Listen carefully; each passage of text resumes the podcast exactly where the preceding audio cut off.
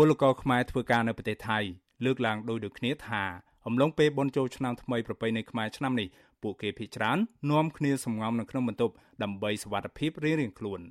ពលករធ្វើការសំណង់នៅខេត្តជាប់ទីក្រុងបាងកកលោកឆនសុខឿនប្រាប់អាស៊ីសេរីនៅព្រឹកថ្ងៃទី12ខែមេសាថាក្រុមគ្រួសាររបស់លោកព្រួយបារម្ភយ៉ាងខ្លាំងអំពីការរាតត្បាតជំងឺ Covid-19 ចូលក្នុងសហគមន៍ជាលើកទី3នៅក្នុងប្រទេសថៃនេះដែលធ្វើឲ្យប៉ះពាល់ដល់ជីវភាពរស់នៅរបស់ពួកគេ ពលករវ័យ41ឆ្នាំរូបនេះបញ្ជាក់ថាពួកលោកមានជីវភាពតោកយ៉ាកដោយសារតែធ្វើការងារមិនបានទៀងទាត់ប្រមាណ1ឆ្នាំមកហើយ។បាទហ្នឹងគឺដឹងប្រាប់ហើយបើកាលណាបើយើងមានជំងឺឆ្លងកើតឡើងមកវាប៉ះពាល់តាំងពីសុខភាពតាំងពីថវិកាពេលវេលាហើយសំខាន់បំផុតគឺខ្លួនឯងហ្នឹងវាអត់មានលុយតែម្ដងហើយបើសិនតែកាលណាឧទាហរណ៍ថាមានតែម្នាក់ឆ្លងនៅក្នុងក្រុមគ្រួសារហ្នឹងមិត្តភ័ក្តិជុំវិញខ្លួនហ្នឹងគឺប្រឈមនឹងការគ្រោះថ្នាក់ធ្ងន់ធ្ងរតែម្ដង នៅកន្លែងខ្ញុំនេះគឺយើងអត់បានឲ្យចេញទៅណាទៅណីទេហើយព្រឹកមិញហ្នឹងគឺឆ្លៀតឱកាសនឹងសុំគេបានទៅទិញអីវ៉ាន់ទិញសម្ភារៈសម្រាប់យកមកហូបចុកនៅក្នុងឱកាសចូលឆ្នាំថ្មីហ្នឹងហើយគេអត់បានឲ្យធ្វើការងារទេ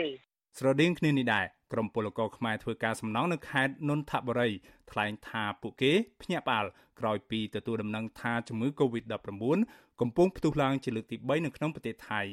ពលករខ្មែរទាំងនេះបញ្ជាក់ថាបុណ្យចូលឆ្នាំថ្មីប្រពៃណីជាតិឆ្នាំនេះពួកគេមិនហ៊ានធ្វើដំណើរទៅណាឆ្ងាយពីបន្ទប់ស្នាក់នៅនោះទេព្រោះខ្លាចអាជ្ញាធរថៃចាប់ខ្លួននិងខ្លាចឆ្លងជំងឺ Covid-19 បញ្ហាប្រឈមនៅខ្លាចដល់ពេលយើងឆ្លងទៅវាពួកការងារយើងក៏ធ្លាក់ យើងក៏អត់មានឆាប់ការនៅដល់ខ្លួនរបស់យើងខ្លាច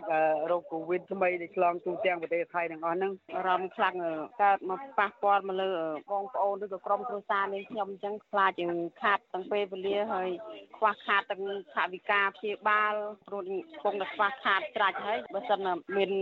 មេរោគនឹងប៉ះពាល់ដល់គ្រួសារនាងខ្ញុំកាន់តែបារម្ភខ្លាំងមែនទែនក្នុងឱកាសបុណ្យចូលឆ្នាំថ្មីប្រពៃណីខ្មែរឆ្នាំនេះ ពលករខ្មែរភៀសច្រើនមិនបានត្រឡប់ទៅជួបជុំសាច់ញាតិនៅប្រទេសកំណើតដោយពេលមុនមុននោះឡើយដោយសារតែអាញាធរកម្ពុជានិងថៃ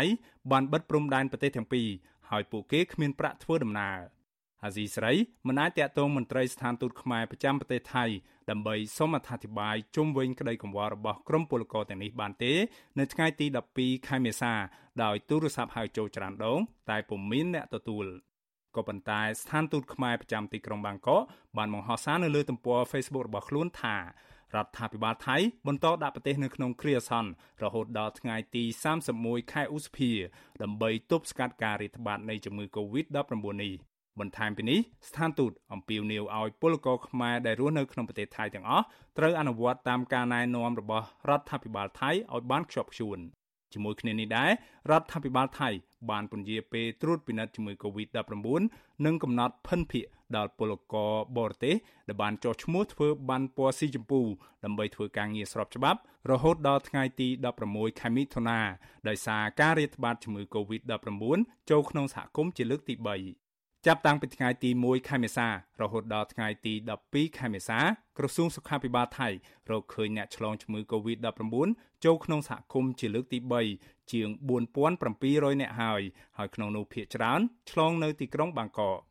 មន្ត្រីអង្គការសង្ត្រាល់ទទួលបន្ទុកពលករលោកឌីថេហូយ៉ាយល់ថាស្ថានភាពបែបនេះពលករខ្មែរគួរតែសម្ងំនៅកន្លែងធ្វើការមួយរយៈដើម្បីការពារសុវត្ថិភាពផ្ទាល់ខ្លួនរបស់ពួកគេឲ្យរួចផុតពីការឆ្លងជំងឺ Covid-19 និងកុំឲ្យអាជ្ញាធរថៃចាប់ខ្លួននៅក្នុងអំឡុងពេលនេះមន្ត្រីសង្គមស៊ីវិលរូបនេះបន្ថែមទៀតថាពួកគេក៏ត្រូវតាមដានព័ត៌មាននៅក្នុងប្រទេសថៃឲ្យបានជាប់លាប់នោះដែរដើម្បីអនុវត្តខ្លួនឲ្យទាន់ស្ថានភាព ខ្ញុំគិតថារដ្ឋាភិបាលកម្ពុជាក៏ត្រូវតែត្រៀមខ្លួនដែរប្រសិនបើខ្មែរយើងណាម្នាក់ ប្រឈមពីបញ្ហាអត់មានការងារធ្វើហើយគាត់ត្រឡប់មកខ្មែរវិញមិនកើតក៏ត្រូវតែផ្គត់ផ្គង់ជីវភាពអាចរស់បានហើយស្វែងរកការងារថ្មីឲ្យគាត់ធ្វើមួយទៀតគឺអ្នកខ្លះដែលអស់សុពលភាពឬអត់មានឯកសារដើមហ្នឹងក៏ត្រូវគិតគូររឿងចំណុចទាំងអស់ហ្នឹងដែរបីក៏ប្រសិនបើភាពចាំបាច់ណាមួយនៃពលរដ្ឋខ្មែរយើងត្រូវតែត្រឡប់មកផ្ទះវិញដោយប្រការណាមួយត្រូវតែសម្របសម្រួលឲ្យមានការបានត្រឡប់មកផ្ទះវិញ របាយការណ៍អង្គការសង្ត្រាល់ឲ្យដឹងថាបច្ចុប្បន្នពលករខ្មែរធ្វើការងារស្របច្បាប់និងមិនស្របច្បាប់នៅក្នុងប្រទេសថៃមានប្រមាណ1លាន8សែននាក់ក្នុងនោះមានពលករជាង2សែននាក់បានចុះឈ្មោះធ្វើបានស៊ីចម្ពូរួចរាល់ហើយកាលពីដើមខែកុម្ភៈកន្លងទៅខ្ញុំបាទមេរិតអាស៊ីសេរីរាយការណ៍ពីរដ្ឋធានី Washington